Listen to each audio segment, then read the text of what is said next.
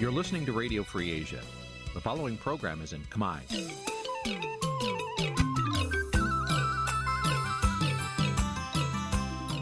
នេះជាកម្មវិធីផ្សាយ Vuthu Azizi Serai នេះជាកម្មវិធីផ្សាយរបស់ Vuthu Azizi Serai ជាភាសាខ្មែរ Vuthu Azizi Serai សូមស្វាគមន៍លោកអ្នកនាងទាំងអស់ពីរដ្ឋធានី Washington នៃសហរដ្ឋអាមេរិកចាប់ ពីរដ្ឋធានី Washington នាងខ្ញុំម៉ៅសុធានីសូមជម្រាបសួរលោកអ្នកស្ដាប់ទាំងអស់ជាទីមេត្រីចាយើងខ្ញុំសូមជូនការផ្សាយសម្រាប់ព្រឹកថ្ងៃសុក្រ9កើតខែបោះឆ្នាំថោះបញ្ញស័កពុទ្ធសករាជ2567ហើយដល់ត្រូវនៅថ្ងៃទី19ខែមករាគ្រិស្តសករាជ2024ជាដំបូងនេះសូមអញ្ជើញលោកអ្នកនាងកញ្ញាស្ដាប់ព័ត៌មានប្រចាំថ្ងៃដែលមានមេត្តាដូចតទៅ រដ្ឋខ្មែរនៅសហភាពអឺរ៉ុបទាមទារឲ្យលោកហ៊ុនម៉ាណែតគោរពសិទ្ធិមនុស្សនិងប្រជាធិបតេយ្យលោកកឹមសុខាសម្រាប់ពឹងមេធាវីជួយការពារក្តីនៅសាលាអូតូមន្ត្រីបពប្រឆាំងជំរុញឲ្យបន្តពិនិត្យនិងដកតំណែងមន្ត្រីប្រព្រឹត្តខុស ចេញពីក្របខ័ណ្ឌរដ្ឋឥណ្ឌូនេស៊ីបរាជ័យលើការដោះស្រាយវិបត្តិនយោបាយនៅភូមាបន្ទាប់ពីកម្ពុជារួមនឹងព័ត៌មាន សំខាន់សំខាន់មួយចំនួនទៀតចាជាបន្តទៅទៀតនេះនាងខ្ញុំម៉ៅសុធានីសូមជូនព័ត៌មានទាំងនោះពឺស្ដាប់ចាលោកនាងជាទីមេត្រីបរដ្ឋខ្មែរនៅសហភាពអឺរ៉ុប រួមទាំងបរដ្ឋនៅប្រទេសបារាំងបានជួបជុំគ្នាធ្វើបាតកម្មទាមទារឲ្យប្រធានាធិបតីបារាំងអន្តរាគមទៅលោកនាយករដ្ឋមន្ត្រីហ៊ុនម៉ាណែតឲ្យគោរពសិទ្ធិមនុស្សនិងលទ្ធិប្រជាធិបតេយ្យជាពិសេសគឺគោរពកិច្ចព្រមព្រៀងសន្តិភាពទីក្រុងប៉ារីស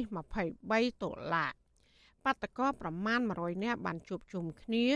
នៅក្បែរវិមានអេលីសេទីក្រុងប៉ារីស កាលពីល្ងាចថ្ងៃទី18ខែមករានៅស្របពេលដែលប្រធានាធិបតីបារាំងជួបពិភាក្សាជាមួយនឹងលោកនាយករដ្ឋមន្ត្រីហ៊ុនម៉ាណែតមេដឹកនាំបាតកោលោកប៉ែនបានណូនឹងជាប្រធានក្រុមប្រឹក្សា23ដុល្លារ1991ឲ្យដឹងថាបាតកោបានរំសាយទៅវិញនៅវេលាម៉ោង4ល្ងាចថ្ងៃដដែលចាសសូមលោកនាងកញ្ញាស្ដាប់បទសម្ភាសន៍របស់លោកទីនសាករាយានិងលោកប៉ែនវ៉ាន់ណូ ប្រធានក្រុមប្រឹក្សា23ដុល្លារអំពីបញ្ហានេះដូចតទៅលោកប៉ាន់ម៉ាណូឃើញថាលោកបានដឹកនាំធ្វើបាតកម្មនៅទីក្រុងប៉ារីសនៅក្នុងពេលដែលលោកហ៊ុនម៉ាណែតទៅជួបមេដឹកនាំបារាំងគឺលោកម៉ាក្រុងនឹងតើការបាតកម្មនេះអ្វីដែលជាបំណងសំខាន់ហើយទទួលបានលទ្ធផលអីខ្លះទៅបាទបាទបាតកម្មនេះខ្ញុំសូមបញ្ជាក់ឲ្យច្បាស់ថាខ្ញុំមិនមែនបាតកម្មប្រឆាំងហ៊ុនម៉ាណែតទេពួកខ្ញុំមិនដែលស្គាល់ហ៊ុនម៉ាណែតពីណាមកទេក្រុម23ដុល្លារ 1991ដែលមានរូបខ្ញុំជាប្រធានខ្ញុំប្រកាសមិនទទួលស្គាល់ការបោះឆ្នោតហើយក៏មិនទទួលស្គាល់លទ្ធផលនៃការបោះឆ្នោតហើយក៏មិនទទួលស្គាល់រដ្ឋាភិបាលចេញការបោះឆ្នោតនេះដែរខ្ញុំមកនេះក្នុងនាមខ្ញុំជាពលរដ្ឋបរាំងដល់កំណើតខ្មែរខ្ញុំមកបបួលគ្នាមកធ្វើអត្តកម្មសូមឲ្យលោកម៉ាក្រុងប្រាប់ហ៊ុនម៉ាណែតនឹងឲ្យគ្រប់23ដុល្លារ1991ពីព្រោះឪពុកគាត់បានសញ្ញេ ហើយ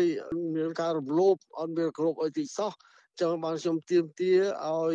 យក23ដុល្លារលោកម៉ាក្រុងដែលជាសហប្រធានសង្ស័តក្រុងប៉ារីហ្នឹងលោកមានទូនាទីនៅមានសិទ្ធិគ្រប់គ្រាន់មិនមែនសូរំលោភលើអធិបតេយ្យប្រទេសណាមួយទេក្នុងថ្នាក់លោកជាប្រធាន ហើយប្រទេសកម្ពុជាក៏ចុះហត្ថលេខាជាមួយដែរហ្នឹង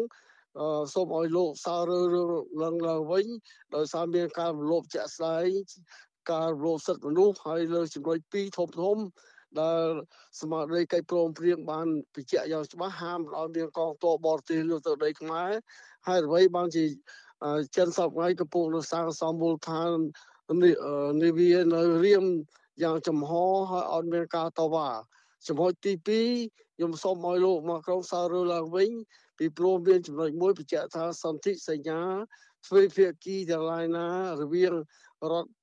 កម្ពុជាសម័យលោកហេនសំរិននឹងដែលយល់លើបន្ទប់នឹងជំនុខៈក៏ប៉ុន្តែមិនបានទោសជំនុខៈគេគេថែមធ្វើសន្ធិសញ្ញាបន្ទប់បំពេញបន្ថែមយកកោះតលថែមទៀតកន្លែងហ្នឹងដែលជាការរំលោភស្មារតី23ដុល្លារដែលខ្ញុំទៀមទាបាទ លោកប៉ានវណ្ណមានប្រសាសន៍ថាការដែលធ្វើបាតកម្មនេះមិនប្រឆាំងនឹងលោកហ៊ុនម៉ាណែតទេក៏ប៉ុន្តែទាមទារឲ្យប្រធានាធិបតីបារាំងនឹងគឺនិយាយជាមួយលោកហ៊ុនម៉ាណែតទាំងពីរចំណុចទាំងអ្វីដែលលោកបានលើកឡើងនេះក៏ប៉ុន្តែលោកថាមិនប្រឆាំងលោកហ៊ុនម៉ាណែតក៏ប៉ុន្តែមិនទទួលស្គាល់លទ្ធផលការបោះឆ្នោតមានន័យថាមិនទទួលស្គាល់លោកហ៊ុនម៉ាណែតដែរបើមិនទទួលស្គាល់ហេតុអីបានជាសុំឲ្យលោកម៉ាក្រុងនឹងនិយាយជាមួយនឹងលោកហ៊ុនម៉ាណែតអំពីបញ្ហាកិច្ចព្រមព្រៀងសន្តិភាពក្រុងប៉ារីសអំពីសន្ធិសញ្ញាព្រំដែននេះបាទ ដោយសារលោកហ៊ុនម៉ាណែតនឹងលោកម៉ាក្រុងអញ្ជើញមកជាភ្ញៀវកិត្តិយសរបស់គាត់មិនដឹងជាខ្លួននៃអីខ្ញុំមិនដឹងទេប៉ុន្តែឱកាសដែលមកជួបខ្ញុំដឹងហ៊ុនម៉ាណែតនឹងមកគាត់នឹងទទួលស្គាល់ហ៊ុនម៉ាណែតជាតំណាងកម្ពុជាមកគាត់ហៅបើហ៊ុនម៉ាណែតជាមនុស្សសាមញ្ញធម្មតាគាត់មិនហៅទេ ដូច្នេះខ្ញុំយល់ថាបើលោកមកក្រុងទទួលស្គាល់ហើយថាយករឿងរស្នាមួយហ៊ុនម៉ាណែតទៅចំពោះខ្ញុំជានយោបាយខ្ញុំមិនអាចទទួលស្គាល់ហ៊ុនម៉ាណែតបានទេបើខ្ញុំទទួលស្គាល់ហ៊ុនម៉ាណែតជារដ្ឋាភិបាលខ្ញុំចាញ់ព្រៀបហ៊ុនម៉ាណែតបានហើយខ្ញុំធ្វើអីទៅជាទៀមចឹងដូច្នេះខ្ញុំអត់ត្រូវការទទួលស្គាល់ហ៊ុនម៉ាណែតជារដ្ឋាភិបាលទេរឿងហ៊ុនម៉ាណែតឬមកក្រុងជារឿងផ្សេងបាទបាទ បើក្នុងករណីអញ្ចឹងមែនលោកមិនទទួលស្គាល់ទេក៏ប៉ុន្តែតើលោកម៉ាក្រុងដែលជាមេដឹកនាំបារាំងហើយលោកជាបរដ្ឋបារាំងដែលដើមកំណត់ខ្មែរហ្នឹងតើលោកគិតថាលោកម៉ាក្រុងនឹងមានអធិបុលអ្វីទៅលើលោកហ៊ុនម៉ាណែតខ្ញុំមានទស្សនៈពីរយ៉ាងក្នុងរឿងទី1កិច្ចការនេះមិនមែនហ៊ុនម៉ាណែតមកចិត្តឯងឬមួយក៏គាត់នឹកឃើញហៅទេ គឺយួនវាចង់ប្រថាប់ត្រាឲ្យហ៊ុនម៉ាណែតខ្លាយទៅជារដ្ឋាភិបាលស្របច្បាប់ដើម្បីយកអាសនៈខ្មែរដូននោះដែលខ្ញុំកំពុងទាមទារសពថ្ងៃឲ្យទុកអីនៅនៅទំនេរពីព្រោះលក្ខខណ្ឌនៃសមាជិកធំសមាជិកអង្គការសហប្រជាជាតិតាមមាត្រា4នៃធម្មនុញ្ញអង្គការសហប្រជាជាតិហ្នឹងគេបានបញ្ជាក់យ៉ាងច្បាស់ហើយគឺថាទៅទៅរដ្ឋនឹងឯករាជ្យ ដូច្នេះរដ្ឋនោះវាអត់ឯករាជ្យទេពីព្រោះ1979យើងឃើញស្រាប់ហើយរដ្ឋកម្ពុជាបានទៀមទាអាសនៈនៅអូនុយអូនុយអត់ទទួលស្គាល់ទេព្រោះជារដ្ឋាភិបាលលើបន្ទប់ហើយមួយទៀតដែលគេមិនអាចទទួលស្គាល់បានគេសុំចិត្តទទួលស្គាល់ខ្មែរក្រហមជាបាតដៃប្រឡាក់ឈាមក៏គេទទួលស្គាល់ដែរលក្ខខណ្ឌធំណាស់ដែលរដ្ឋាភិបាលមួយបរទេសលើបន្ទប់គេមិនអាចទទួលស្គាល់បានបាទលោកប៉ែវណ្ណូហេតុអីបានជាលោកចោទថា លោកហ៊ុនសែននឹងជាអាយ៉ងវៀតណាមហើយហេតុអីបានជាលោកមិនទទួលស្គាល់រដ្ឋាភិបាលរបស់លោកហ៊ុនម៉ាណែតបើសិនជាយើងមើលទៅវិញនឹងការដែលលោកហ៊ុនម៉ាណែតបានមកដឹកនាំប្រទេសនេះតាមរយៈឪជាអ្នកផ្ទេរអំណាចឲ្យក្រោយពីរៀបចំការបោះឆ្នោតនោះបាទវាមិនមែនជាការដែលធ្វើសង្គ្រាមនោះទេប៉ុន្តែជាការរៀបចំបោះឆ្នោតនោះបាទទី1ខ្ញុំយកសម្ដីលោកហ៊ុនសែនខ្លួនឯងដែលបានប្រកាសថានៅលើក្បាលគាត់មានកងទ័ពយួន100,000នាក់គាត់ជាអាយ៉ងយួន ដូច្នេះកត្តាហ្នឹងដែលខ្ញុំថាជាសំហេតុសំផលមិនត្រូវទទួលស្គាល់ទី2ការបោះឆ្នោតនៅកម្ពុជាថ្មីថ្មីនេះពេលគេជួនដែលចូលឈ្មោះយករដ្ឋមន្ត្រីឈ្មោះហ៊ុនសែនរឿងអីមកចេញហ៊ុនម៉ាណែតដែលរៀបដែលបានស្គាល់ឲ្យបានបោះឆ្នោតឲ្យផងកន្លែងអស់នោះមិនខ្ញុំមិនអាចទទួលយកបានបាទ បាទក្រោយពីធ្វើបាតកម្មសម្ដែងមតិទាមទារតើខាងលោកនឹងមានធ្វើញត្តិជាលិលាអសរណាមួយដើម្បីដាក់ទៅជូនលោកម៉ាក្រុងអំពីបញ្ហាអ្វីដែលលោកកំពុងតែព្រួយបារម្ភនេះទេអ្វីដែលកំពុងទាមទារនេះទេខ្ញុំនឹងផ្ញើឯកសារទៅជូនលោកនៅលិខិតដែលខ្ញុំបានផ្ញើតាមឡែករឿងកំងទៅទៅលោកម៉ាក្រុងមួយអាទិត្យមកហើយដើម្បីលោកបានអាន ដឹងសេចក្តីដែលពួកយើងត្រូវការដើម្បីយកកត្តាអ្វីខ្លះដែលយើងមិនព្រមទទួលស្គាល់រដ្ឋាភិបាលភ្នំពេញហើយខ្ញុំនឹងផ្សាយជាសាធារណៈលិខិតនោះមាន3ចំណុចទី1សូមឲ្យលោកម៉ាក្រុងស្នើឲ្យហ៊ុនម៉ាណែតអនុវត្តស្មារតី23ដុល្លារ1991ឡើងវិញ ទី2អាចនឹងសូមឲ្យធ្វើអន្តរាគមទៅលោកអគ្គលេខាធិការនៃអង្គការសហប្រជាជាតិដើម្បីសិក្សារើខប្រជុំសន្និសីទឡើងវិញដើម្បីត្រួតពិនិត្យធ្វើតលជាការមើលតើការអនុវត្តកិច្ចព្រមព្រៀងក្រុងប៉ារីសពីឆ្នាំ1991ដល់2024នេះតើមានវិជ្ជមានអវិជ្ជជំនាញកន្លែងណាខ្លះដូចខ្ញុំបានជំរាបបានមិញរឿងមានពីរធំដែលយើងឃើញថា ហត្ថលេខី2គឺប្រទេសចិននិងប្រទេសយួនបានរំលោភជាក់ស្ដែងគឺបានដាក់កងទ័ពរៀបចំមូលដ្ឋានយោធានៅរៀមដែលស្មារតី23ដុល្លារបានហាមឃាត់ហើយសន្ធិសញ្ញាថាទុកមុខខៈអត់មុខខៈទេយកមកបំពេញបន្ថែមយកកោះត្រល់ខ្មែរថែមទៀតអាកន្លែងហ្នឹងទៅឲ្យអង្គការសហវិជាតិឲ្យលោកម៉ាក្រុងដែលជាសហប្រជាជាមួយដូរស៊ីហ្នឹង ដាក់ទណ្ឌកម្មសេដ្ឋកិច្ចនិងនយោបាយគ្រប់យ៉ាងលើប្រទេសដែលបានរំលោភកិច្ចព្រមព្រៀងបាទបាទអរគុណលោកសការីយ៉ាបាទចាលោកនាងកញ្ញាទៅបានស្ដាប់បទសម្ភាសន៍របស់លោកទីនសាការីយ៉ានិងលោកប៉ែនវ៉ាន់ណូ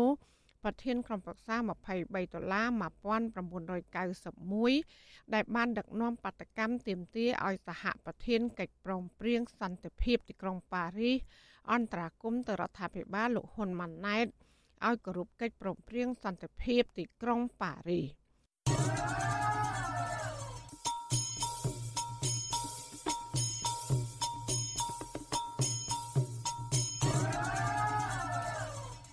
ចាលោកនានីជាទីមេត្រីនៅឯសហរដ្ឋអាមេរិកនេះវិញ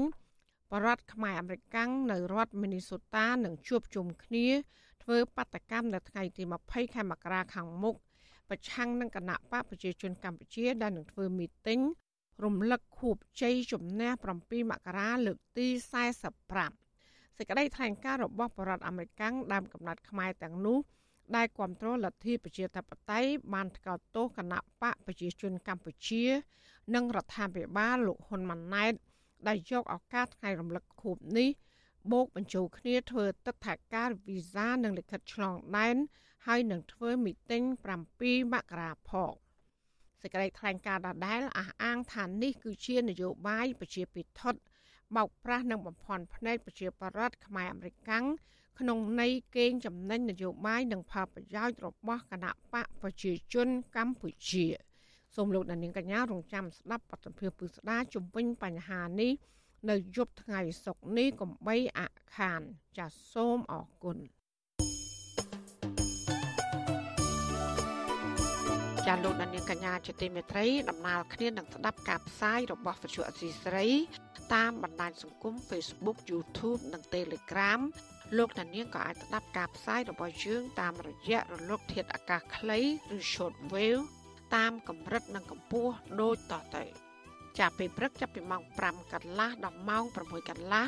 តាមរយៈប៉ុស SW 93.90 MHz ស្មើនឹងកម្ពស់ 32m និងប៉ុស SW 11.85 MHz ស្មើនឹងកម្ពស់ 25m ចាសម្រាប់ពេលយប់វិញ គឺចាប់ពីម៉ោង7កន្លះដល់ម៉ោង8កន្លះគឺតាមរយៈប៉ុស SW 93.30 MHz ស្មើនឹងកម្ពស់ 32m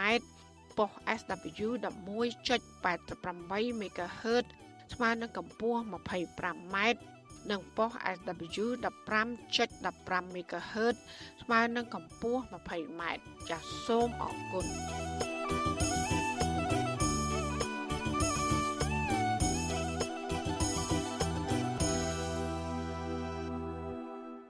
ចាលោកនានីជាទីមេត្រីប្រធានគណៈបកសង្គ្រោះជាតិលោកកឹមសុខាសម្រាប់ពឹងមេធាវីឲ្យជួយការពារក្តីរបស់លោកនៅសាលាតោភ្នំពេញ ក្នុងសំណុំរឿងប្តឹងទាស់ការសម្រេចរបស់សាលាដំបងរាជធានីភ្នំពេញដែលបានផ្តន្ទាទោសដាក់ឃុំក្នុងផ្ទះ27ឆ្នាំ នៅក្នុងសំណុំរឿងសន្តិភាពជាមួយនឹងបរទេសឬពីបទក្បត់ជាតិមន្ត្រីបកកណ្ដាលអំណាចនិយាយមុនការសម្រេចរបស់តុលាការថាលោកកឹមសុខាទំនងមិនបានទទួលលទ្ធផលល្អពីតុលាការជាន់ខ្ពស់មួយនេះឡើយ ចាប់ពីរដ្ឋធានី Washington លោកសេកបណ្ឌិតរាយការណ៍ព័ត៌មាននេះមេធាវីការពីក្តីរបស់លោកកម្មសខា នៅសាលាធរมันមានច្រើនដោយការពីការពីក្តីមេបកប្រឆាំងរូបនេះនៅតុលាការជាន់ទាបនោះទេ គឺមានតែមេធាវីមួយរូបប៉ុណ្ណោះអតីតប្រធានគណៈការឡៃនិងជាមនុស្សជំនិតលោកកម្មសខា គឺលោកមុតចន្ទថាប្រាប់បទសុអាស៊ីសេរីថា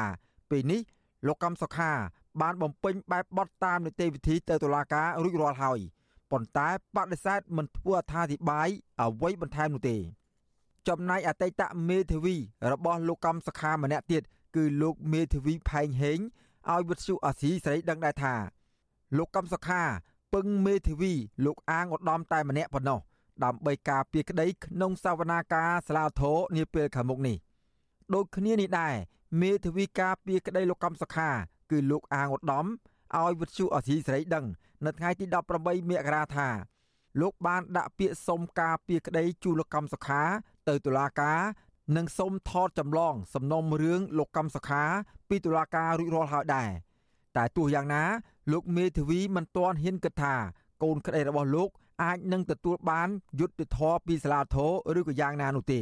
យើងគ្រាន់តែធ្វើកិច្ចការរបស់យើងឲ្យត្រឹមត្រូវតាមនីតិវិធីតាមភារកិច្ចកតបកិច្ចរបស់យើងលទ្ធផលយ៉ាងណាយើងអត់បានរំពឹងថាយ៉ាងម៉េចទេស្លាធរភ្នំពេញ បានចេញដីកាកោះបង្គាប់ឲ្យលោកកម្មសុខាចូលសវនាការកាលពីថ្ងៃទី30ខែមករាក្រោយពីមេបកប្រឆាំងរូបនេះប្តឹងទាស់សេចក្តីសម្រេចរបស់សាលាដំបងរាជធានីភ្នំពេញជិត1ឆ្នាំទម្រាំសាលាធររៀបចំបើកសវនាការមេបកប្រឆាំងរូបនេះ សម្រេចប្តឹងទៅសាលាធរភ្នំពេញកាលពីខែមីនាឆ្នាំ2023ក្រោយពេលសាលាដំបងរាជធានីភ្នំពេញផ្ដន្ទាទោសឲ្យលោកជាប់ឃុំក្នុងផ្ទះរយៈពេល27ឆ្នាំ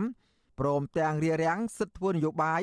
និងមិនអាចមានទំនាក់ទំនងជាមួយជនទាំងឡាយណា ក្រៅពីសាច់ញាតិជិតស្និទ្ធរបស់លោកឡើយ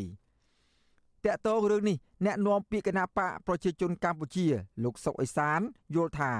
សំណុំរឿងលោកកម្មសខា ជាបញ្ហាផ្លូវច្បាប់មិនជាប់ពាក់ព័ន្ធនឹងរឿងនយោបាយឡើយ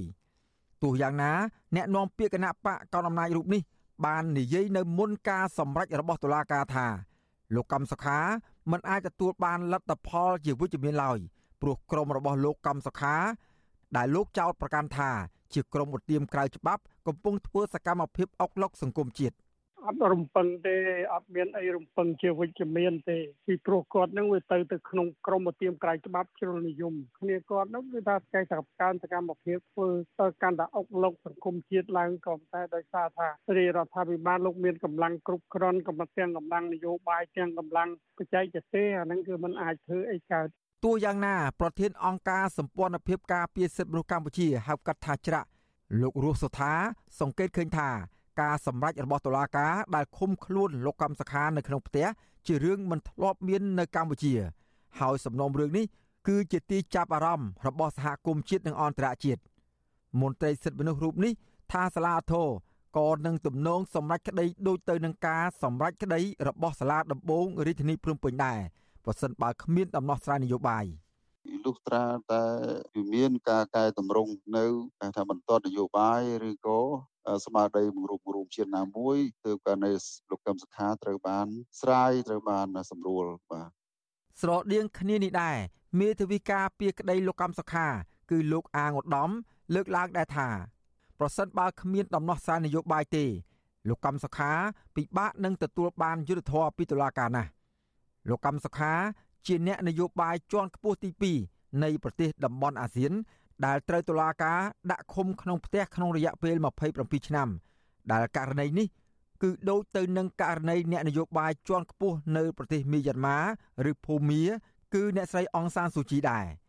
សហគមន៍អន្តរជាតិរិះគន់ថា ចំណាត់ការរបស់តុលាការ ជាការដើរខុសឆ្គងប្រព័ន្ធយុត្តិធម៌និងជំរុញទៅរដ្ឋាភិបាល គួរអនុញ្ញាតឲ្យលោកកំសុខា និងអ្នកទោសមនសិការផ្សេងទៀតអាចមានសេរីភាពឡើងវិញ។ ខ្ញុំបាទសេកបណ្ឌិតវិទ្យុអាស៊ីសេរីពីរដ្ឋធានីវ៉ាស៊ីនតោន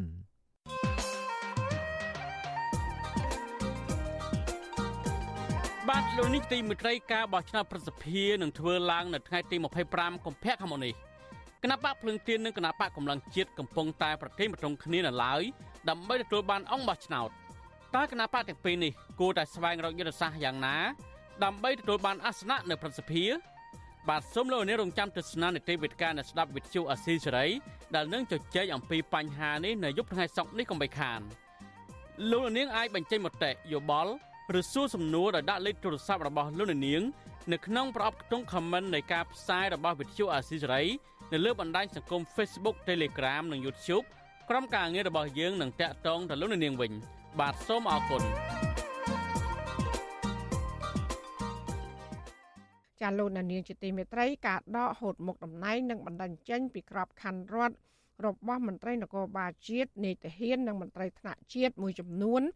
បានកើតមានជាបន្តបន្ទាប់ក្រោយពីរដ្ឋាភិបាលចាត់វិធានការបោសសម្អាតគ្រឿងញៀនដោយផ្ដើមចេញពីកងកម្លាំងប្រដាប់អាវុធមុនគេ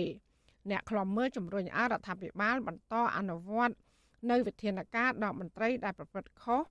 និងបោសសម្អាតអំពើពុករលួយគ្រប់ស្ថាប័នដោយមិនប្រកាន់បកពួកឬក៏ខ្សែស្រឡាយនោះឡើយចានេះគឺជាសកម្មភាពរបស់អ្នកស្រីសុជីវីជំនាញព័ត៌មាននេះអ្នកខ្លមើលសាទរចំពោះចំណាត់ការរបស់ក្រសួងមហាផ្ទៃទៅលើមន្ត្រីខលខូចពាក់ព័ន្ធនឹងគ្រឿងញៀននិងបំផ្លាញប្រយោជន៍ជាតិប៉ុន្តែក្នុងពេលជាមួយគ្នាក៏ជំរុញឲ្យក្រសួង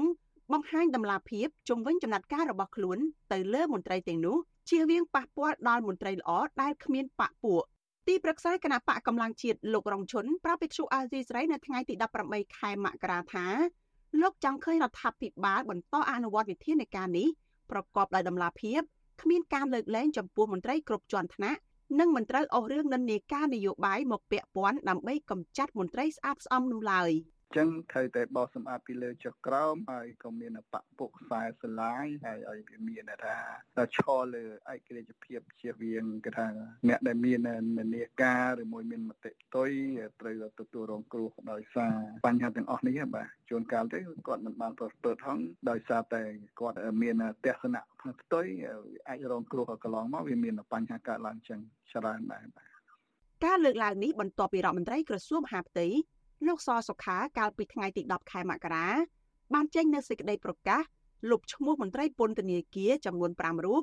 ដែលចំណុះអគ្គនាយកដ្ឋានពន្ធនាគារចេញពីក្របខ័ណ្ឌក្រសួងមហាផ្ទៃដោយមូលហេតុប្រើប្រាស់គ្រឿងញៀន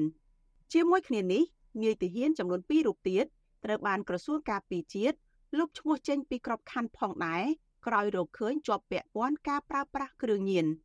នៅរយៈពេលចុងក្រោយនេះមានមន្ត្រីនគរបាលមន្ត្រីថ្នាក់ខេត្តនិងនីតិហានមួយចំនួនដែលមានតំណែងចាប់ពីវរៈសេនីយ៍រហូតដល់ដំសេនីយ៍ទោសផ្កាយ2ត្រូវបានបណ្តេញចេញពីក្របខ័ណ្ឌនិងទម្លាក់ពីតួនាទីមន្ត្រីដែលត្រូវស្ថាប័នពាក់ព័ន្ធបណ្តេញចេញទាំងនោះភាគច្រើនមកពីក្រសួងមហាផ្ទៃ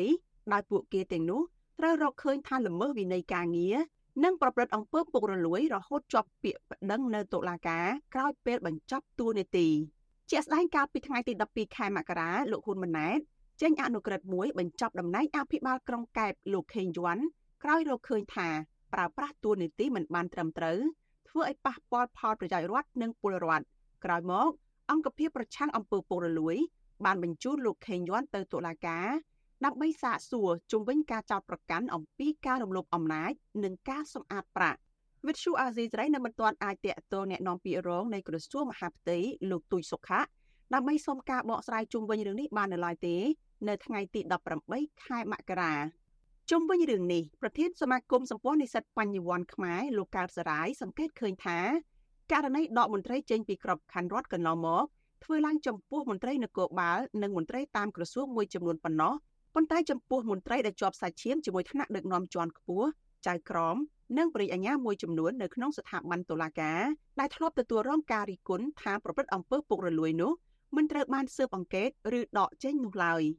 ប្រសិនជាក្រសួងមហាផ្ទៃគាត់ចង់ធ្វើកំណែតម្រង់ប្រកបដោយប្រសិទ្ធភាពនិងភាពស័ក្តិសិទ្ធិត្រូវតែធ្វើកំណែតម្រង់ប្រព័ន្ធអំពើពុករលួយជាមុនសិនឲ្យតែប្រព័ន្ធអំពើពុករលួយចាប់ផ្ដើមមានចំណាត់ការតឹងរឹងរឹងមាំច្បាស់លាស់ប្រព័ន្ធផ្សេងផ្សេងដែលក្រសួងកំពុងរៀបចំនិងមានប្រសិទ្ធភាព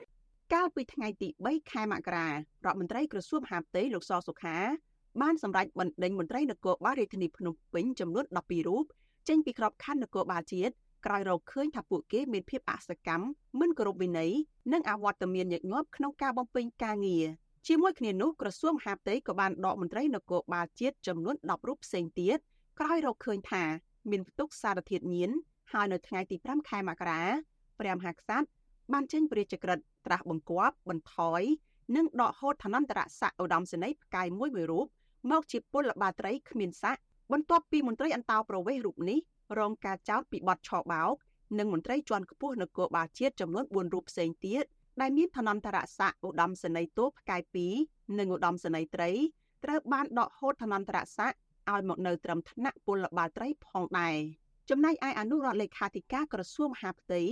និងជាអនុប្រធានគណៈកម្មាធិការប្រយុទ្ធប្រឆាំងផលិតផលคล้ายៗលោកកឹមជាតិក៏ត្រូវបានព្រះមហាក្សត្របញ្ចប់តួនាទីកាលពីថ្ងៃទី15ខែធ្នូផងដែរបន្ទាប់ពីលេចធ្លាយរឿងអាស្រូវមួយ ដែលក្រុមហ៊ុនលក់ស្រាប្តឹងទៅអគារធិការដ្ឋានក្រសួងមហាផ្ទៃក្រោយពេលលោកបានគៀបស៊ីលុយក្រុមហ៊ុនចំនួន100000ដុល្លារនិងស្រាថ្លៃថ្លៃជិត50ដបនាងខ្ញុំសុជីវីវិទ្យុអាស៊ីសេរី ពីរដ្ឋធានី Washington ចាលោកនានីជាទីមេត្រីអ្នកបើករថយន្តសេរីទំនើបមួយគ្រឿងម៉ាក Ford Raptor បានបុកអ្នកជិះម៉ូតូម្នាក់បណ្ដាលឲ្យស្លាប់ភ្លាមភ្លាមនៅ សង្កាត់កោរកាខណ្ឌព្រែកភ្នៅរាជធានីភ្នំពេញកាលពីវេលាម៉ោងប្រមាណ1យប់កាលពីថ្ងៃទី17ខែមករាប្រភពព័ត៌មានផ្សព្វផ្សាយនៅតាម Facebook បង្ហាញពីវីដេអូនៅកន្លែងកើតហេតុឲ្យឃើញថាជនបង្កនោះ បានបើកឡានក្នុងស្ថានភាពស្រវឹង បានបុកបរិឈ្មោះនួនសវណ្ណរិទ្ធកំពុងជិះម៉ូតូនៅលើដងផ្លូវបណ្ដាលឲ្យស្លាប់នៅកន្លែងកើតហេតុចំណែកឯសមត្ថកិច្ចវិញក៏បានឃាត់ខ្លួនម្ចាស់រថយន្តបង្កនោះដើម្បីសាកសួរនិងដោះស្រាយតាមច្បាប់កណនី Facebook របស់ក្រុមគ្រួសារជនរងគ្រោះបានបង្ហោះរូបភាពនិងបានស្នើដល់សមត្ថកិច្ចឲ្យចាត់វិធានការឲ្យបានម៉ឺងម៉ាត់ចំពោះករណីនេះពួកគេចោទជនបង្កថាមានចេតនាប៉ុនប៉ងបុកសម្លាប់ ដោយសារតែរថយន្តបុកដំបូងគឺជនរងគ្រោះគ្រាន់តែរងរបួសនិងងើបឈរបាន តែជនបង្កបានបើកឡានកិនបន្ថែមទៀតធ្វើឲ្យជនរងគ្រោះស្លាប់តែម្ដងវត្ថុអសីស្រីមិនអាចតកតងស្នងការនគរបាលរាជធានីភ្នំពេញលោកជួនណារិនដើម្បីបកស្រាយជំវិញរឿងនេះបានទេកាលពីថ្ងៃទី18ខែមករាមន្ត្រីសង្គមស៊ីវិលជំរុញអាជ្ញាធរគួរអនុវត្តច្បាប់ ឲ្យបានពេញលេញដល់អ្នកប្រព្រឹត្តខុសក្នុងច្បាប់ចរាចរណ៍ដើម្បីផ្ដល់យុត្តិធម៌ដល់ក្រុមគូសាជនរងគ្រោះប្រជាពលរដ្ឋមានទំនុកចិត្តឡើងវិញ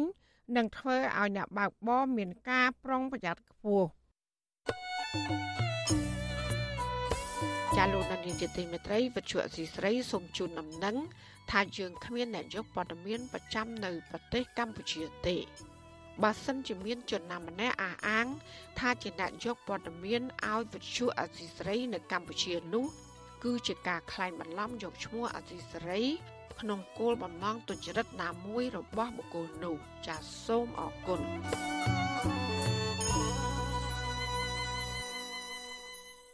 ចាលោកដានៀងជាទីមេត្រីពីខេត្តត្បូងឃ្មុំ ប្រជាពលរដ្ឋរស់នៅស្រុកមេមត់អះអាងថា ក្រុមហ៊ុនទៀនយករ៉ែមាសបរទេសមួយចំនួន នៅ តែបន្តសកម្មភាពទៀនយករ៉ែមាសដោយខុសច្បាប់ នៅឃុំជាំតាម៉ៅការលើកឡើងនេះក្រោយពីក្រសួងរ៉ែនិងធម្មពលបានប្រកាសថាក្រសួងបានរកឃើញទីតាំងទៀនយករ៉ែមាស3កន្លែងទៀតកាលពីថ្ងៃទី16ខែមករាមន្ត្រីសង្គមស៊ីវិលលើកឡើងថាដើម្បីទប់ស្កាត់ការទាញយករ៉ែមាសដែលខុសច្បាប់ឲ្យមានប្រសិទ្ធភាព រដ្ឋាភិបាលគួរមានចំណាត់ការផ្លូវច្បាប់ឲ្យបានតឹងរឹង ទៅលើឈ្មួញទុច្ចរិតនិងអាជ្ញាធរពាក់ព័ន្ធចាលោកជីវតារាយការណ៍ព័ត៌មាននេះប្រជាពលរដ្ឋមួយចំនួនរស់នៅស្រុកមេមត់ខេត្តត្បូងឃ្មុំលើកឡើងដូចដូចគ្នាថាបើទោះបីជាក្រសួងរាយនឹងធម្មពលបានធ្វើយុទ្ធនាការលុបបំបាត់អាជីវកម្មរ៉ែមាសខុសច្បាប់ នៅតំបន់សំពៅលូនឃុំជាំតាម៉ៅកាលពីថ្ងៃទី10មករាក្តី ក៏ក្រុមហ៊ុនទាញយករ៉ែទាំងនោះនៅតែបន្តសកម្មភាពយ៉ាងអនាធបត័យពលរដ្ឋម្នាក់រស់នៅស្រុកមេមត់ខេត្តត្បូងឃ្មុំ គឺលោកឆៃវិតប្រាវិទ្យុអាស៊ីសេរីនៅថ្ងៃទី18មករាថាក្រុមហ៊ុនទាញយករ៉ែមាសដែលថៅកែភៀកច្រើន គឺជាជនជាតិចិននិងវៀតណាម នៅតែបន្តសកម្មភាពទាញយករ៉ែមាសនៅតំបន់សំពៅលូនការឈូសឆាយការវាមិនមែនទើបតែកើតឡើងឥឡូវឥឡូវនេះទេគ្រាន់តែថា វាមានភាពស្ងប់ស្ងាត់អត់មានថាលួចទេណាលួចសហការមានតែខ្មោចស្រុកវាបើកដៃណាខ្មោចព្រៃវាចេះលុកលុយលុកលុយហើយពលរដ្ឋមិនហ៊ានពលរដ្ឋខ្លះនឹងមិនហ៊ាននិយាយមិនហ៊ានទៅសេមិនហ៊ានផុសតាម Facebook អីចេះតែខ្លាចអញ្ញាធัวភូមិឃុំគេគម្រាមគេបន្លាចទៅចេះមិនមិនចេះទៅសងំចេះតែអីទៅដូចគ្នាទៅនឹងការលើកឡើងនេះដែរ ប្រជាពលរដ្ឋម្នាក់ទៀតរស់នៅស្រុកមេមត់ប្រាប់វិទ្យុអាស៊ីសេរីក្នុងលក្ខខណ្ឌសុំមិនបញ្ចេញឈ្មោះនិងសម្លេង ដោយបារម្ភពីសវត្ថិភាពថាក្រុមហ៊ុនចិននិងវៀតណាម នៅតែបន្តទាញយករ៉ែមាសនៅឃុំជាំតាម៉ៅលោកស្រីអះអាងដូចនេះដោយសារតែលោកស្រីឃើញមានជនជាតិចិននិងជនជាតិវៀតណាមជាច្រើននៅតែដើរទិញទំនិញនិងម្ហូបអាហារដឹកចូលទៅក្នុងតំបន់សំពៅលូន ក្រសួងរាយនឹងធម្មពលបានចេញសេចក្តីប្រកាសព័ត៌មានមួយកាលពីថ្ងៃទី17មករាអំពីការទប់ស្កាត់សកម្មភាពអាជីវកម្មរ៉ែមាសអាណាធិបតេយ្យនៅតំបន់សំពៅលូនស្រុកមេមត់ខេត្តត្បូងឃ្មុំទោះជាយ៉ាងណា នៅក្នុងសេចក្តីប្រកាសព័ត៌មាននោះបញ្ជាក់ថាក្រសួងមិនមានវិធានការច្បាប់ទៅលើម្ចាស់ទីតាំងទាញយករ៉ែមាសទាំងនោះឡើយដោយគ្រាន់តែឲ្យធ្វើកិច្ចសន្យាបញ្ឈប់សកម្មភាពទាញយករ៉ែមាសតែប៉ុណ្ណោះ ប្រជាពលរដ្ឋនៅស្រុកមេមត់លើកឡើងថាប្រជាពលរដ្ឋខ្មែរបានប្រកបរបររែងរ៉ែមាសតាំងពីអំឡុងឆ្នាំ1990មកម្ល៉េះលុះមកដល់ឆ្នាំ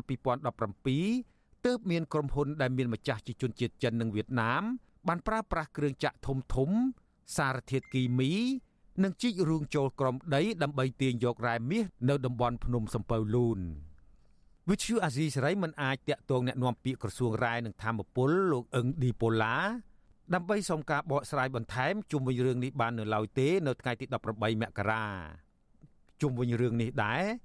នាយកវិទ្យាស្ថានតស៊ូមតិនិងគោលនយោបាយលោកឡាំសុជាតិមានប្រសាសន៍ថា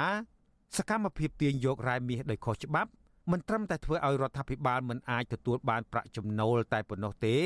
តែថែមទាំងបណ្ដាលឲ្យប៉ះពាល់ដល់បរិស្ថាន និងសង្គមទៀតផង លោកបន្តថាដើម្បីទប់ស្កាត់ការទាញយករ៉ែមាសដោយខុសច្បាប់ឲ្យមានប្រសិទ្ធភាពអាជ្ញាធរមានសមត្ថកិច្ចគួរចាត់វិធានការផ្លូវច្បាប់ឲ្យបានតឹងរឹងទៅលើឈ្មួញទុច្ចរិតនិងអាជ្ញាធរពាក់ព័ន្ធជាជាងគ្រាន់តែចុះណែនាំឲ្យបញ្ឈប់សកម្មភាពទាញយករ៉ែប៉ុណ្ណោះអញ្ចឹងតើបើសិនជាគាត់ជាជនជាតិបរទេសទៀតមករុករករ៉ែរបស់ខ្មែរនៅក្នុងប្រទេសខ្មែរហើយអត់មានអាជ្ញាបានទៀតអានឹងវាខុសច្បាប់ហើយខុសទៀត អញ្ចឹងវាគួរតែត្រូវបានអនុវត្តតឹងរឹងទាំងមន្ត្រីដែលគុកខាត់ទាំងមន្ត្រីដែលនៅពីក្រោយអាណាធិបតេយ្យហ្នឹងគឺត្រូវតែមានការអនុវត្តតាមច្បាប់ហើយប្រជាពលរដ្ឋរស់នៅស្រុកមេមត់អះអាងថា ម្ចាស់អាជីវកម្មទាញយករ៉ែមាសភ ieck ច្រើន តែងមានអ្នកមានអំណាចនិងអាជ្ញាធរមូលដ្ឋាន កាងឲ្យធ្វើអាជីវកម្មដូច្នេះពួកគេស្នើឲ្យអាជ្ញាធរពាក់ព័ន្ធគួរចាប់ក្រុមឈ្មួញទុច្ចរិតនិងមន្ត្រីពាក់ព័ន្ធមកប្រឈមនឹងផ្លូវច្បាប់ ជាជាងគ្រាន់តែចេញលិខិតព្រមាននិងត្រឹមធ្វើកិច្ចសន្យាឲ្យបញ្ឈប់ទាញយករ៉ែមាសដែលអាចធ្វើឲ្យក្រុមឈ្មួញទុច្ចរិតទាំងនោះងាយស្រួលធ្វើសកម្មភាពឡើងវិញក្នុងពេលខាងមុខខ្ញុំជីវិតាអាស៊ីសេរីចាលោកដានៀងជាទីមេត្រីពីខេត្តត្បូងឃ្មុំនេះដែរពាក់ព័ន្ធនឹងរឿងទំនាស់ដីធ្លីវិញប្រជាពលរដ្ឋដែលមានទំនាស់ដីធ្លីជាមួយក្រុមហ៊ុនចិននៅខេត្តត្បូងឃ្មុំនេះក៏បានទទូចអតឡាការទម្លាក់ចោលបាត់ចោតប្រកាន់លើពួកគាត់ និងស្នើរដ្ឋាភិបាលអាណត្តិថ្មីជួយធ្វើអន្តរាគមន៍ដោះស្រាយបញ្ហាដីធ្លីនេះដែលបានអូសបន្លាយអស់រយៈពេលជាង10ឆ្នាំមកហើយខណៈដែលពួកគាត់កំពុងប្រឈមបញ្ហាជីវភាពលំបាកមន្ត្រីសង្គមស៊ីវិលដែលធ្វើការលើកកម្ពស់សិទ្ធិមនុស្សសង្ឃឹមថាសាលាតូនឹងទម្លាក់ចោលការចោទប្រកាន់លើពួកគាត់ឲ្យមានត្រីភាពឡើងវិញនិងប្រកល់ដីឲ្យពួកគាត់ ចាសសេចក្តីរាយការណ៍ពុស្ដាអំពីរឿងនេះលោកណានៀងក៏នឹងបានស្ដាប់នាពេលបន្តិចទៀតនេះចាលោកណានៀងជាទីមេត្រីរដ្ឋាភិបាលកម្ពុជាត្រៀមស្វាគមន៍លំហូរចូលនៃអ្នកចំនួនចិនភ្ញៀវទេសចរចិនដោយរំពឹងថានឹងមានបន្តចូលមកកម្ពុជាកាន់តែច្រើនក្នុងឆ្នាំ2024បន្ទាប់ពីភាគីកម្ពុជានិងចិនជ្រើសរើសឆ្នាំនេះបើកលំហឲ្យមានការផ្លាស់ប្តូរប្រជាជន និងប្រជាជនរវាងប្រទេសទាំងពីរទោះយ៉ាងណាអ្នកតាមដានកិច្ចការសង្គមនិងបរដ្ឋព្រួយបារម្ភថាកម្ពុជាអាចនឹងខាតបង់ច្រើនជាងការទទួលបានផលចំណេញក្នុងកិច្ចសហប្រតិបត្តិការនេះដោយសារតែអ្នកចំនួនចិនខ្លះបានចូលមកកម្ពុជាប្រកបរបរខុសច្បាប់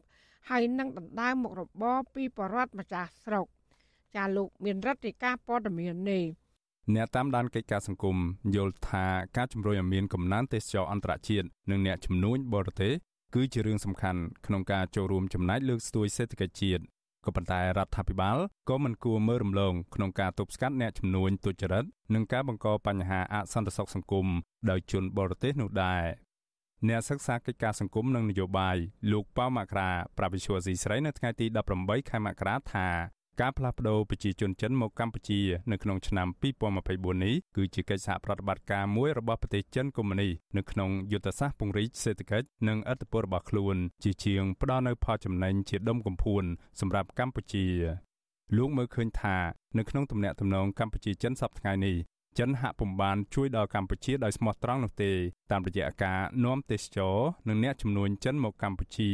ខណៈទីតាំងមានជនជាតិចិនរស់នៅច្រើននៅតាមបណ្ដាខេត្តមួយចំនួនដូចជាក្រុងព្រះសីហនុជាដើមសម្បូរទៅដោយរឿងរ៉ាវអាស្រូវនិងបទល្មើសឧក្រិដ្ឋលើពីនេះទៀត លោកព្រួយបារម្ភថាការផ្លាស់ប្តូរប្រជាជននិងប្រជាជនអាចជាឱកាសសម្រាប់ឲ្យអ្នកជំនួញឆបោកតាមអនឡាញឬអ្នកជំនួញរកស៊ីខុសច្បាប់របស់ចិនចូលមកកម្ពុជាកាន់តែច្រើនទៀត ខណៈបញ្ហាអំពើពុករលួយ និងប្រព័ន្ធច្បាប់ទុនខ្សោយរដ្ឋាភិបាលពុំមានការធានាឲ្យមានភាពល្អប្រសើរនៅឡើយបើសិនជាជនជាតិចិនឬក៏អ្នកវិនិយោគដែលមកប្រជាជនដែលផ្ដោះប្ដូរនឹងជាប្រជាជនហៅស៊ីផ្លូវងងឹតជាក្រុមអ ுக ្រិតជនក្រុមបោកប្រាស់តាមប្រព័ន្ធអនឡាញក្រុមចាប់ចម្រិតមនុស្សជនក្នុងសង្គមងងឹតនឹងធ្វើបង្កបញ្ហាសម្រាប់កម្ពុជាវិញទេវាបង្កធ្វើឲ្យកម្ពុជានឹងមានគេឈ្មោះនឹងកាន់តែអាប់អួរនៅក្នុងឆាកអន្តរជាតិបន្ថែមទៀតវាមិនមែនជាផលចំណេញសម្រាប់កម្ពុជាទេ កម្ពុជានិងចិនចាត់ទុកឆ្នាំ2024នេះគឺជាឆ្នាំនៃការផ្លាស់ប្តូររវាងប្រជាជនចិននិងប្រជាជនកម្ពុជាក្នុងក្របខ័ណ្ឌកិច្ចសហប្រតិបត្តិការត្បូងពេជ្រដែលអះអាងថាដើម្បីជំរុញវិស័យទេសចរកម្ពុជានិងពង្រឹងទំនាក់ទំនងទ្វេភាគីឲ្យកាន់តែស៊ីជម្រៅនៅក្នុងការកសាងជោគវាសនារួមគ្នាកាលពីថ្ងៃទី13ខែមករា កម្ពុជាក៏បានរៀបចំពិធីផ្លាស់ប្តូរប្រជាជននិងប្រជាជននៅឯខេត្តសៀមរាបដោយក្រសួងទេសចរបង្ហាញពីការបង្កលក្ខណៈងាយស្រួលនៅក្នុងការទទួលទេសចរចិន រដ្ឋមន្ត្រីក្រសួងទេសចរលោកសុកសុកេនថ្លែងក្នុងពិធីនោះថានៅក្នុងឆ្នាំ2019នៅមុនពេលមានវិបត្តិជំងឺ Covid-19 លំហូរភ្ញៀវទេសចរចិនកើនឡើងប្រមាណជាង2លាននាក់ដែលលោកអះអាងថាបានរួមចំណែកយ៉ាងសំខាន់ជួយជំរុញវិស័យសេដ្ឋកិច្ចនិងប្រតិបត្តិការទេសចរនៅកម្ពុជា លោកបានថែមថាចាប់តាំងពីឆ្នាំ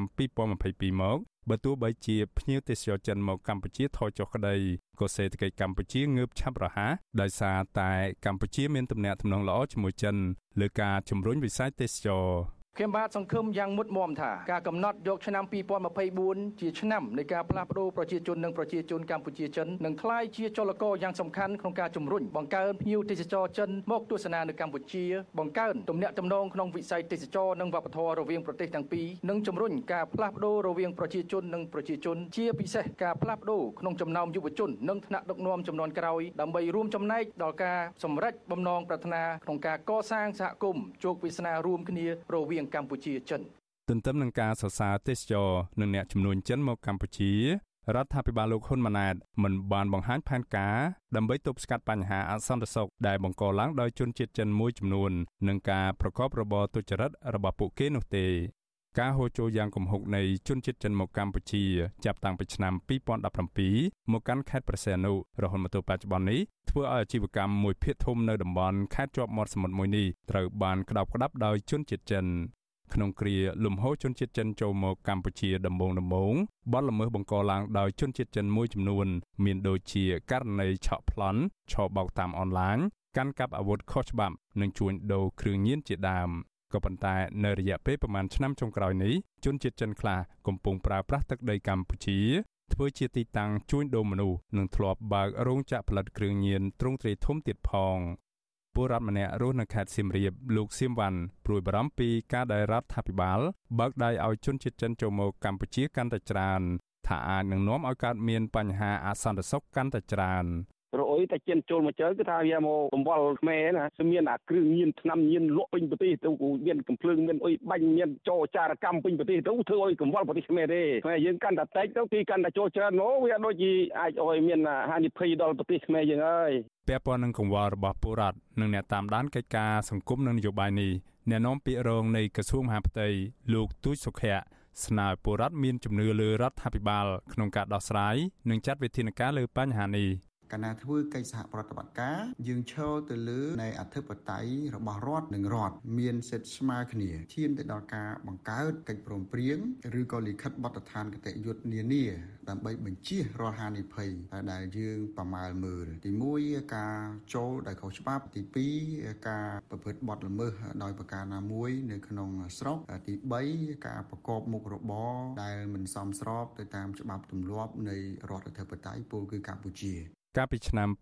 2023កម្ពុជាទទួលបានភ្ញៀវទេសចរអន្តរជាតិប្រមាណ5លាន4សែននាក់ក្នុងនោះភ្ញៀវទេសចរចិនមានប្រមាណ54ម៉ឺននាក់ជាមួយគ្នានេះនៅក្នុងឆ្នាំ2023គម្រោងវិនិយោគសរុបប្រមាណ66%ក្នុងទំហំវិនិយោគសរុបជាង4900លានដុល្លារនៅកម្ពុជាគឺសុទ្ធសឹងតែជាគម្រោងវិនិយោគរបស់ក្រុមហ៊ុនចិន អ្នកតាមដានសង្គមនិងពលរដ្ឋចង់ឃើញរដ្ឋាភិបាលលោកហ៊ុនម៉ាណែតស្ដារប្រជាធិបតេយ្យនិងប្រព័ន្ធច្បាប់ឲ្យបានល្អប្រសើរដើម្បីទាក់ទាញភ្ញៀវទេសចរអន្តរជាតិនិងអ្នកជំនួញចម្រុះជាតិសាសន៍ឲ្យមកបោះទុនវិនិយោគនៅកម្ពុជា ពួកគេព្រួយបារម្ភថាការដែលរដ្ឋាភិបាលផ្ដល់ឱកាសឲ្យជនជាតិចិនចូលមកកម្ពុជាកាន់តែច្រើនពួកគេទាំងនោះអាចចូលមកគ្រប់គ្រងទីតាំងខេត្តក្រុងមួយចំនួនរបស់កម្ពុជា តាមរយៈការបើករបរអាជីវកម្មផ្ដាច់មុខនិងមុខរបរស្ទើរគ្រប់វិស័យដូចជានៅក្រុងព្រះសីហនុនិងក្រុងប៉ោយប៉ែតជាដើម ដែលធ្វើឲ្យប៉ះពាល់ដល់អាជីវកម្មនិងសេដ្ឋកិច្ចពលរដ្ឋខ្មែរជាម្ចាស់ស្រុកខ្ញុំបានមេរិត Visual Asia ស្រី ពីរដ្ឋធានី Washington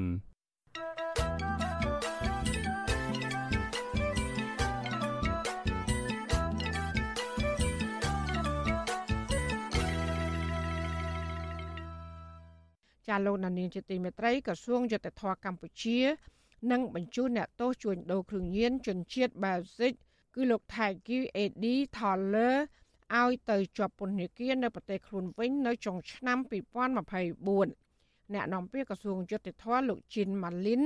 ប្រាប់កាសែតក្នុងស្រុកថាគម្រោងបញ្ជូនតនដិតរូបនេះគឺធ្វើឡើងតាមការស្នើសុំរបស់រដ្ឋមន្ត្រីក្រសួងយុទ្ធភ័ពប្រទេសបែលហ្សិកលោកប៉ូលវ៉ាន់ធីកឆែល លោកជិនម៉ាលីនបញ្ជាក់ថាដើម្បីអាចបញ្ជូនទណ្ឌិតរូបនេះបានរដ្ឋាភិបាលកម្ពុជានិងបែលហ្សិកត្រូវចរចាគ្នារៀបចំសន្ធិសញ្ញាស្តីពីការបញ្ជូនទណ្ឌិតឲ្យគ្នាទៅវិញទៅមកលោកបន្តថាក្រុមអ្នកជំនាញច្បាប់នៃប្រទេសទាំងពីរកំពុងជជែកពិភាក្សាគ្នាដើម្បីរៀបចំសន្ធិសញ្ញានេះដើម្បីអាចបញ្ជូនទណ្ឌិតរូបនេះត្រឡប់ទៅជាប់ពន្ធនាគារនៅប្រទេសបែលហ្សិកវិញ។ បច្ចុប្បន្នកម្ពុជាគ្មានអ្នកទោសខ្មែរនៅប្រទេសបែលហ្សិកទេសាលាដំបងរាជធានីភ្នំពេញកាលពីថ្ងៃទី18ខែធ្នូឆ្នាំ2018បានកាត់ទោសទណ្ឌិតថលលើឲ្យជាប់ពន្ធនាគារអស់មួយជីវិត ពីបទជួញដូរអភិនចំនួន1គីឡូក្រាមចូលក្នុងប្រទេសកម្ពុជា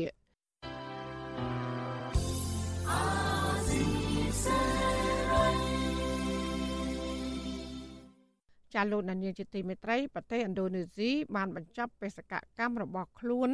ជាប្រធានបដូវវេនអាស៊ានហើយកាលពីពេលថ្មីថ្មីនេះអ្នកដែលធ្វើជាប្រធានអាស៊ានបន្តពីឥណ្ឌូនេស៊ីគឺប្រទេសឡាវនៅក្នុងអាណត្តិឥណ្ឌូនេស៊ីជាប្រធានអាស៊ាននេះគឺប្រធានបដូវវេនអាស៊ាននៅតែមិនអាចដោះស្រាយតំបន់បានដដែលជាពិសេសគឺបញ្ហាវិបត្តិនយោបាយនៅភូមា ចាលោកទីនសាករយាមានសេចក្តីការពឹស្ដារជំវិញព័ត៌មាននេះដូចតទៅឥណ្ឌូនេស៊ីបានធ្វើជាប្រធានបដូវវេនអាស៊ានឆ្នាំ2023ដែលបន្តពីកម្ពុជា ក្នុងឋានៈឥណ្ឌូនេស៊ីជាប្រធានអាស៊ាននេះគឺឥណ្ឌូនេស៊ីបានប្រឹងប្រែងដោះស្រាយចំនួននយោបាយនៅភូមាក៏ប៉ុន្តែឥណ្ឌូនេស៊ីក៏មិនទាន់បានសម្រេចជោគជ័យនៅឡើយដែរអ្នកអធិប្បាយនយោបាយលោកកឹមសុខមានប្រសាសន៍ថាឥណ្ឌូនេស៊ីបានព្យាយាមសម្របសម្រួលឲ្យអាស៊ាន ងាកមករួមរួមគ្នាខុសពីកាលពីអតីតនាយករដ្ឋមន្ត្រីលហ៊ុនសែនបានធ្វើជាប្រធានបដូវវេនអាស៊ានដែលសម្រេចលើការដោះស្រាយវិបត្តិនយោបាយនៅភូមាជាឯកតោភាគីហើយរងការរិះគន់ពីខណ្ឌតំបន់និងអន្តរជាតិឥណ្ឌូនេស៊ីខំប្រឹងពង្រឹងឡើងវិញនៅស្មារតីអាស៊ានណាជាពិសេសគោលការណ៍5ចំណុចរបស់អាស៊ានដែលដាក់ទៅភូមាបង្ខំឲ្យភូមាទទួលខុសពីពេលដែលរដ្ឋាភិបាលលោកហ៊ុនសែនដឹកនាំអាស៊ានណា ហើយអ្វីដែលជាចំណុចល្អប្រសើរអាស្មារតីហ្នឹងវាអាចចម្លងទៅឡាវដែរអ្នកខ្លំមើលផ្នែកអភិវឌ្ឍសង្គមលោករដ្ឋសេនស៊ូរីវិញ មានប្រសាសន៍ថានៅមុនពេលឥណ្ឌូនេស៊ីបរាជ័យលើការដោះស្រាយវិបត្តិនយោបាយនៅភូមានេះគឺកម្ពុជាលោកបញ្ជាក់ថាអតីតនាយករដ្ឋមន្ត្រីលហ៊ុនសែនបានងាកចេញពីគោលការណ៍5ចំណុចរបស់អាស៊ានដោយព្យាយាមដោះស្រាយវិបត្តិនយោបាយនៅភូមាជាឯកតោភាគីកាលពីឆ្នាំ2022ហើយនៅទីបញ្ចប់ លោកហ៊ុនសែនក៏មិនជោគជ័យលើការដោះស្រាយវិបត្តិនយោបាយនៅភូមិមាននេះដែរផ្ទុយទៅវិញបានធ្វើឲ្យអាស៊ានមិនអាចបង្រួបបង្រួមគ្នាបានថែមទៀតផងលោកបានថែមថាអាស៊ានមិនអាចបង្រួបបង្រួមគ្នាគឺលោកហ៊ុនសែនដោះស្រាយវិបត្តិនយោបាយនៅភូមាដោយមិនពិភាក្សាគ្នាជាមួយសមាជិកអាស៊ានមុនជាពិសេសលោកបានធ្វើដំណើរទៅកាន់មីយ៉ាន់ម៉ាទៅជួបមេយោធាមីនអងលៀងដោយគ្មានការឯកភាពគ្នាពីសមាជិកអាស៊ានជាមុននោះទេបញ្ហានេះ បានធ្វើឲ្យសមាជិកអាស៊ានមួយចំនួនដូចជាម៉ាឡេស៊ីជាដើមរិះគន់លោកហ៊ុនសែនខ្លាំងក្លាកាលនោះដោយឡែកសម្រាប់ឥណ្ឌូនេស៊ីវិញអ្វីត្បិតតែនៅមិនទាន់អាចដោះស្រាយវិបត្តិនយោបាយនៅភូមាបានក្តីក៏ឥណ្ឌូនេស៊ីដោះស្រាយលើបញ្ហាភូមានេះគឺឈលលើគោលការណ៍ឯកភាពគ្នាជាមុនជាពិសេសគឺឈលលើគោលការណ៍5ចំណុចរបស់អាស៊ានដើម្បីដោះស្រាយវិបត្តិនយោបាយនៅភូមិនេះ ពេលដែលឥណ្ឌូនេស៊ីជាប្រធានហ្នឹងក៏ហាក់ដូចជាទទួលបានជោគជ័យមួយកម្រិតដែរយ៉ាងហោចណាស់ឥណ្ឌូនេស៊ីបានរក្សានៅសាមគ្គីភាពក្នុងកម្រិតតំបន់ដែលឥណ្ឌូនេស៊ីព្យាយាមធ្វើម៉េចទាញអាស៊ានឲ្យក្លាយទៅជាប្រទេសអព្យាក្រឹតដោយព្យាយាមធ្វើបែបណាមិនឲ្យអាស៊ានក្លាយទៅជាកូនអុក របស់មហាអំណាចណាមួយនេះរាប់ថាជាជោគជ័យមួយដ៏សំខាន់ក្នុងដំណាក់កាលដែលឥណ្ឌូនេស៊ីជាប្រធានចំណុចទី3គឺការជំរុញសេដ្ឋកិច្ច Digital ហើយនឹងហើយនឹងគេហៅ EV ecosystem ដែលអាស៊ាននៅក្នុងក្រោមការដឹកនាំរបស់ឥណ្ឌូនេស៊ីនឹងព្យាយាមគៀងគោដើម្បីធ្វើម៉េចជំរុញការពិវត្តផ្នែកការសេដ្ឋកិច្ច Digital ជាមួយនឹងរថយន្តប្រើដោយធម្មពលអគ្គិសនីហើយក្នុងនោះ ឥណ្ឌូនេស៊ីក៏បានគៀងគោថាវិការពីប្រទេសជប៉ុននឹងប្រមាណជា1000លាននៅក្នុងការអភិវឌ្ឍវិស័យសេដ្ឋកិច្ច Digital ហើយនឹង EV ecosystem នេះបាទអតីតនាយរដ្ឋមន្ត្រីលហ៊ុនសែនបន្ទាប់ពីទទួលបានញញួរធ្វើជាប្រធានអាស៊ានបដូវេនបន្តពីប្រទេសប្រ៊ុយណេកាលពីឆ្នាំ2022នោះលោកមិនបងអង្គយូរឡើយពលគឺលោកហ៊ុនសែនបានដឹកនាំគណៈប្រតិភូធ្វើដំណើរឆ្ពោះទៅកាន់ប្រទេសភូមាទាំងចម្រុងចម្រាស់លោកហ៊ុនសែនទៅកាន់ប្រទេសភូមានេះនៅចំថ្ងៃ7មករា ដែលជាថ្ងៃគណៈបកប្រជាជនកម្ពុជារបស់លោកចាត់ទុកថាជាថ្ងៃទទួលបានជ័យជំនះលើការបដូររលំរបបខ្មែរក្រហមលោកសុកចិត្តមិនចូលរួមធ្វើមេតិញខូបលើកទី43កាលពីឆ្នាំ2022លោកហ៊ុនសែនទំនងជាចង់បង្ហាញស្នាដៃឲ្យពិភពលោកមើលឃើញថាលោកជាបិតាស្វែងរកសន្តិភាពជូនប្រទេសភូមាទោះជាលោកធ្វើឡើងជាឯកតោភាគីក៏ដោយខណៈដែលកម្ពុជាពុំទាន់មានការឯកភាពជាតិនៅឡើយផងនោះ ក្រុមនយោបាយលើកឡើងថាទោះបីជាឥណ្ឌូនេស៊ីមានចំហររឹងមាំជាងកម្ពុជា ក្នុងការដោះស្រាយចំនួននយោបាយនៅភូមាក៏ដោយតែអធិបុលចិននៅក្នុងតំបន់អាស៊ីអាគ្នេយ៍ក៏ធ្វើឲ្យឥណ្ឌូនេស៊ីពិបាកក្នុងការស្វែងរកដំណោះស្រាយនយោបាយនេះដែរអ្វីត្បិតតែឥណ្ឌូនេស៊ីព្យាយាមបង្រួបបង្រួមនៅក្នុងតំបន់ឲ្យមានការឯកភាពគ្នាលើការដោះស្រាយវិបត្តិនយោបាយនៅភូមិមាននេះក្តីក៏ប៉ុន្តែអធិបុលចិនបានជិតជ្រែកយ៉ាងខ្លាំងទៅលើសមាជិកអាស៊ានមួយចំនួនក្នុងចំណោមប្រទេសទាំង10 សមាជិកអាស៊ានដែលមានចំហររឹងមាំក្នុងការដោះស្រាយវិបត្តិនយោបាយនៅភូមិមាននេះមានដូចជាឥណ្ឌូនេស៊ីម៉ាឡេស៊ីប្រ៊ុយណេនិងសង្ហបុរីជាដើមរីឯប្រទេសដែលងាកទៅចិន មានដូចជាកម្ពុជាថៃទាំងឡាយនោះហាក់មិនមានចំហជាក់លាក់ដើម្បីរួមដៃគ្នាដោះស្រាយវិបត្តិនយោបាយនៅភូមិមានទេផ្ទុយទៅវិញប្រទេសទាំងនេះហាក់ចង់រក្សាទំនាក់ទំនងល្អជាមួយក្រុមមេដឹកនាំយោធាភូមិថែមទៀតផងរីឯសម្រាប់ឆ្នាំ2024នេះវិញ ឡាវដែលនឹងធ្វើជាប្រធានអាស៊ានបន្តពីឥណ្ឌូនេស៊ីនោះលោកម្រិតសេនស៊ូរីមិនរំពឹងថាឡាវធ្វើជាប្រធានបដូវវេនអាស៊ាននៅឆ្នាំ2024ក៏មិនរំពឹងថានឹងអាចដោះស្រាយវិបត្តិនយោបាយនៅភូមិមាននេះបានដែរដោយសារតែឡាវមិនខុសពីកម្ពុជានោះទេ គឺនយោបាយរបស់ឡាវងាកទៅរកចិនខ្លាំងលោកបន្ថែមថាវិបត្តិនយោបាយនៅភូមិនេះនឹងនៅតែបន្តអស់មិនឡាយដដែលហើយប្រហែលជាឡាវអាចបន្តដើរតាម មាគារបស់ឥណ្ឌូនេស៊ីនៅក្នុងការបដិសេធមិនអោយមេដឹកនាំឬក៏តំណាងមេដឹកនាំយោធាភូមិនឹងចូលរួមប្រជុំហើយនឹងអាចបិទសិទ្ធិមិនអោយចូលរួមប្រជុំអាស៊ានសាប់មិតលើកទី44បន្តទៅទៀតក៏ប៉ុន្តែដូចខ្ញុំបានលើកឡើងអញ្ចឹងថាយន្តការនេះនឹងមិនអាចមានប្រសិទ្ធភាពនៅក្នុងការដោះស្រាយវិបត្តិដែលកំពុងកើតឡើងនៅភូមិទេបាទអ្នកស្រាវជ្រាវនៃទីភ្នាក់ងារស្រាវជ្រាវនិងនវានុវត្តន៍ជាតិ នៅទីក្រុងចាកាតា បានប្រាប់វិទ្យុអាស៊ីសេរីបានណាញូថាការចុះខ្សោយសាមគ្គីភាពរបស់អាស៊ាន ជាពិសេសគឺបណ្ដាប្រទេសមួយចំនួន មានទំនាក់ទំនងល្អជាមួយមេដឹកនាំយោធាភូមាបញ្ហានេះដែលធ្វើឲ្យភូមាមិនគោរពលើកិច្ចព្រមព្រៀងទាំង5ចំណុចរបស់អាស៊ានទោះបីជាឥណ្ឌូនេស៊ីបានព្យួរអាសនៈភូមាចោលពលគឺមិនអនុញ្ញាតឲ្យតំណាងក្រុមយោធា មកចូលរួមនៅក្នុងកិច្ចប្រជុំកំពូលអាស៊ានជាបន្តបន្ទាប់ក៏ដោយ នៅឆ្លោះពេលដែលអាស៊ានមិនអាចដោះស្រាយវិបត្តិនយោបាយនៅភូមានេះបានស្ថានភាពរំលោភសិទ្ធិមនុស្សនៅក្នុងប្រទេសនេះកាន់តែអាក្រក់ទៅអាក្រក់ទៅ តាំងពីរបបយោធាបានបដូររលំរដ្ឋាភិបាលស៊ីវិលរបស់អ្នកស្រីអង្សានស៊ូជីមកទៅពេលនេះរបបយោធាបានសម្លាប់មនុស្សជាង4000នាក់ហើយរីឯការចាប់ខ្លួនវិញគឺមានប្រមាណជិត20000នាក់ក៏ប៉ុន្តែរបបយោធានេះបណ្ដោះលែងមនុស្សវិញជាបន្តបន្ទាប់វិញដែរកាលពីពេលថ្មីថ្មីនេះក្រុមអ្នកតាមដានកិច្ចការអន្តរជាតិលើកឡើងថា មេដឹកនាំនៅអាស៊ានមួយចំនួនកំពុងតែក្តាប់ក្តារអំណាចក្រមរូបភាពយកប្រជាធិបតេយ្យមកបិទបាំងទង្វើផ្ដាច់ការរបស់ខ្លួនដូចជាកម្ពុជា និងភូមានេះជាដើមហើយដោយឡែកសម្រាប់ភូមាវិញក្រមនៃវិភាគមើលឃើញថាវិបត្តិនៅភូមានេះនឹងកាន់តែអស់បន្លាយយូរទៅមុខទៀតហើយរបបយោធាក៏នឹងស្វះស្វែងរកការបោះឆ្នោតបង្ក្រប់កិច្ចដើម្បីបង្ហាញឲ្យអន្តរជាតិមើលឃើញថារបបនេះក៏ងាកមកដើរតាមកន្លងប្រជាធិបតេយ្យវិញដែរ ដើម្បីបិទបាំងនៅអំពើអាក្រក់របស់ខ្លួនខ្ញុំបាទទីនសាការីយ៉ាអាស៊ីសេរីប្រធានាធិបតី Washington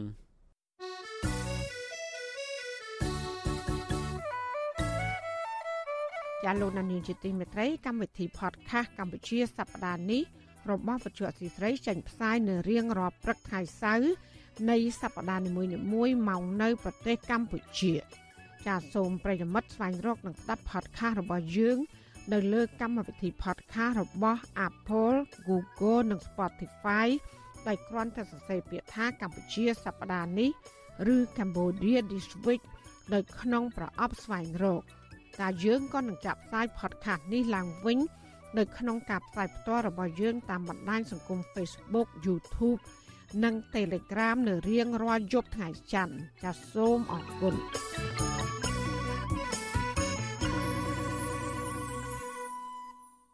ចាលោកនានីជាទីមេត្រីនៅឯខេត្តត្បូងឃ្មុំឯនោះវិញ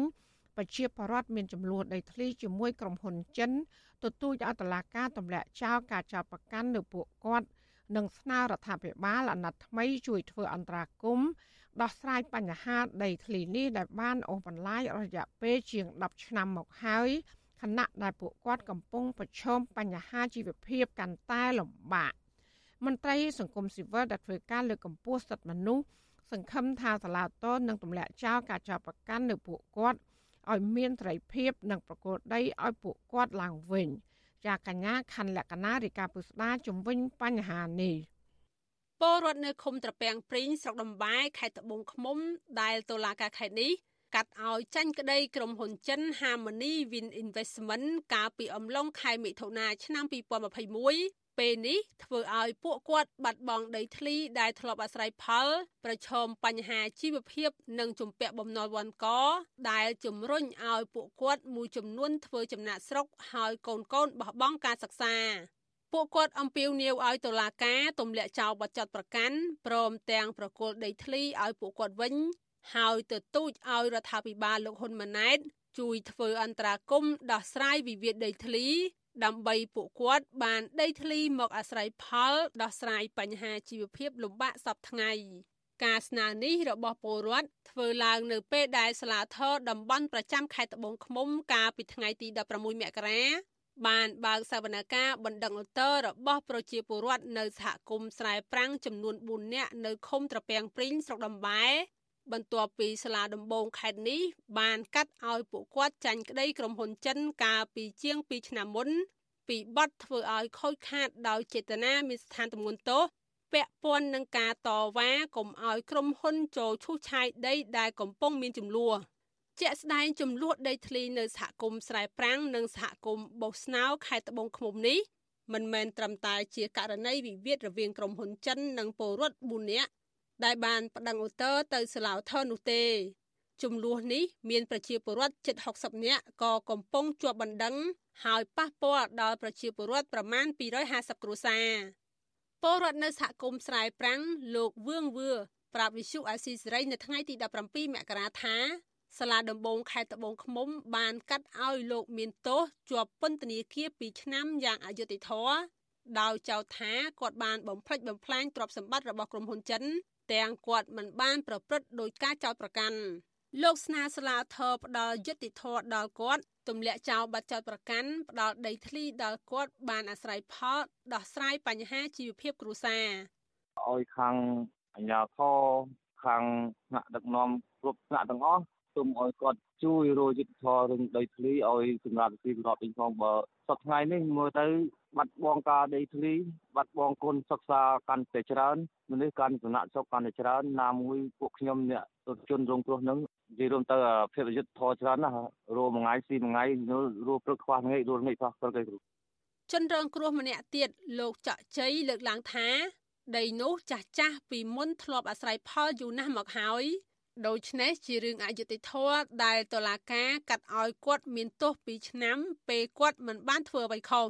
លោកថាគ្រួសារគាត់ធ្លាប់ប្រមូលផលបានពី1លានរៀលទៅ2លានរៀលក្នុងមួយខែប៉ុន្តែក្រោយក្រុមហ៊ុនចិនពាត់យកដីគាត់គ្មានទីពឹងអ្វីលំបាកខ្លាំងណាស់អាពេលរឿងអត់ដីហ្នឹងវាពិបាកខ្លាំងដោយគ្មានអីធ្វើហ្នឹងហើយយើងអត់មានថវិកាថាគាត់គង់គ្រួសារចំណាក់ស្រុកច្រើនណាបងគាត់គ្មានការងារធ្វើហើយគាត់គ្មានដីធ្វើអញ្ចឹងណាបង បាទឥឡូវគេពាត់យកទាំងអស់គេកាយក្រវ៉ាត់ជំវិញទាំងអស់ដីនោះអត់ឲ្យចេញចូលមានការគម្រាមកំហែងពីអាជ្ញាធរថាបើសិនទេចូលទៅក្នុងដីនោះគេចាប់ដាក់ពន្ធនាគារចាប់គុកចឹងបងប្រធានសមាគមស្រែប្រាំងដែលធ្លាប់ជាប់ពន្ធនាគាររឿងចំនួនដីធ្លីនេះលោកសែមសាងនិយាយថាតុលាការនិងអាជ្ញាធររដ្ឋាភិបាលត្រូវផ្ដល់យុត្តិធម៌ដល់ពលរដ្ឋកុំឲ្យពលរដ្ឋបាត់បង់ដីធ្លីហើយជាប់គុកទៀត លោកថាបើតុលាការមិនផ្ដល់យុត្តិធម៌ប្រគល់ដីឲ្យពួកគាត់អាស្រ័យផលវិញទេ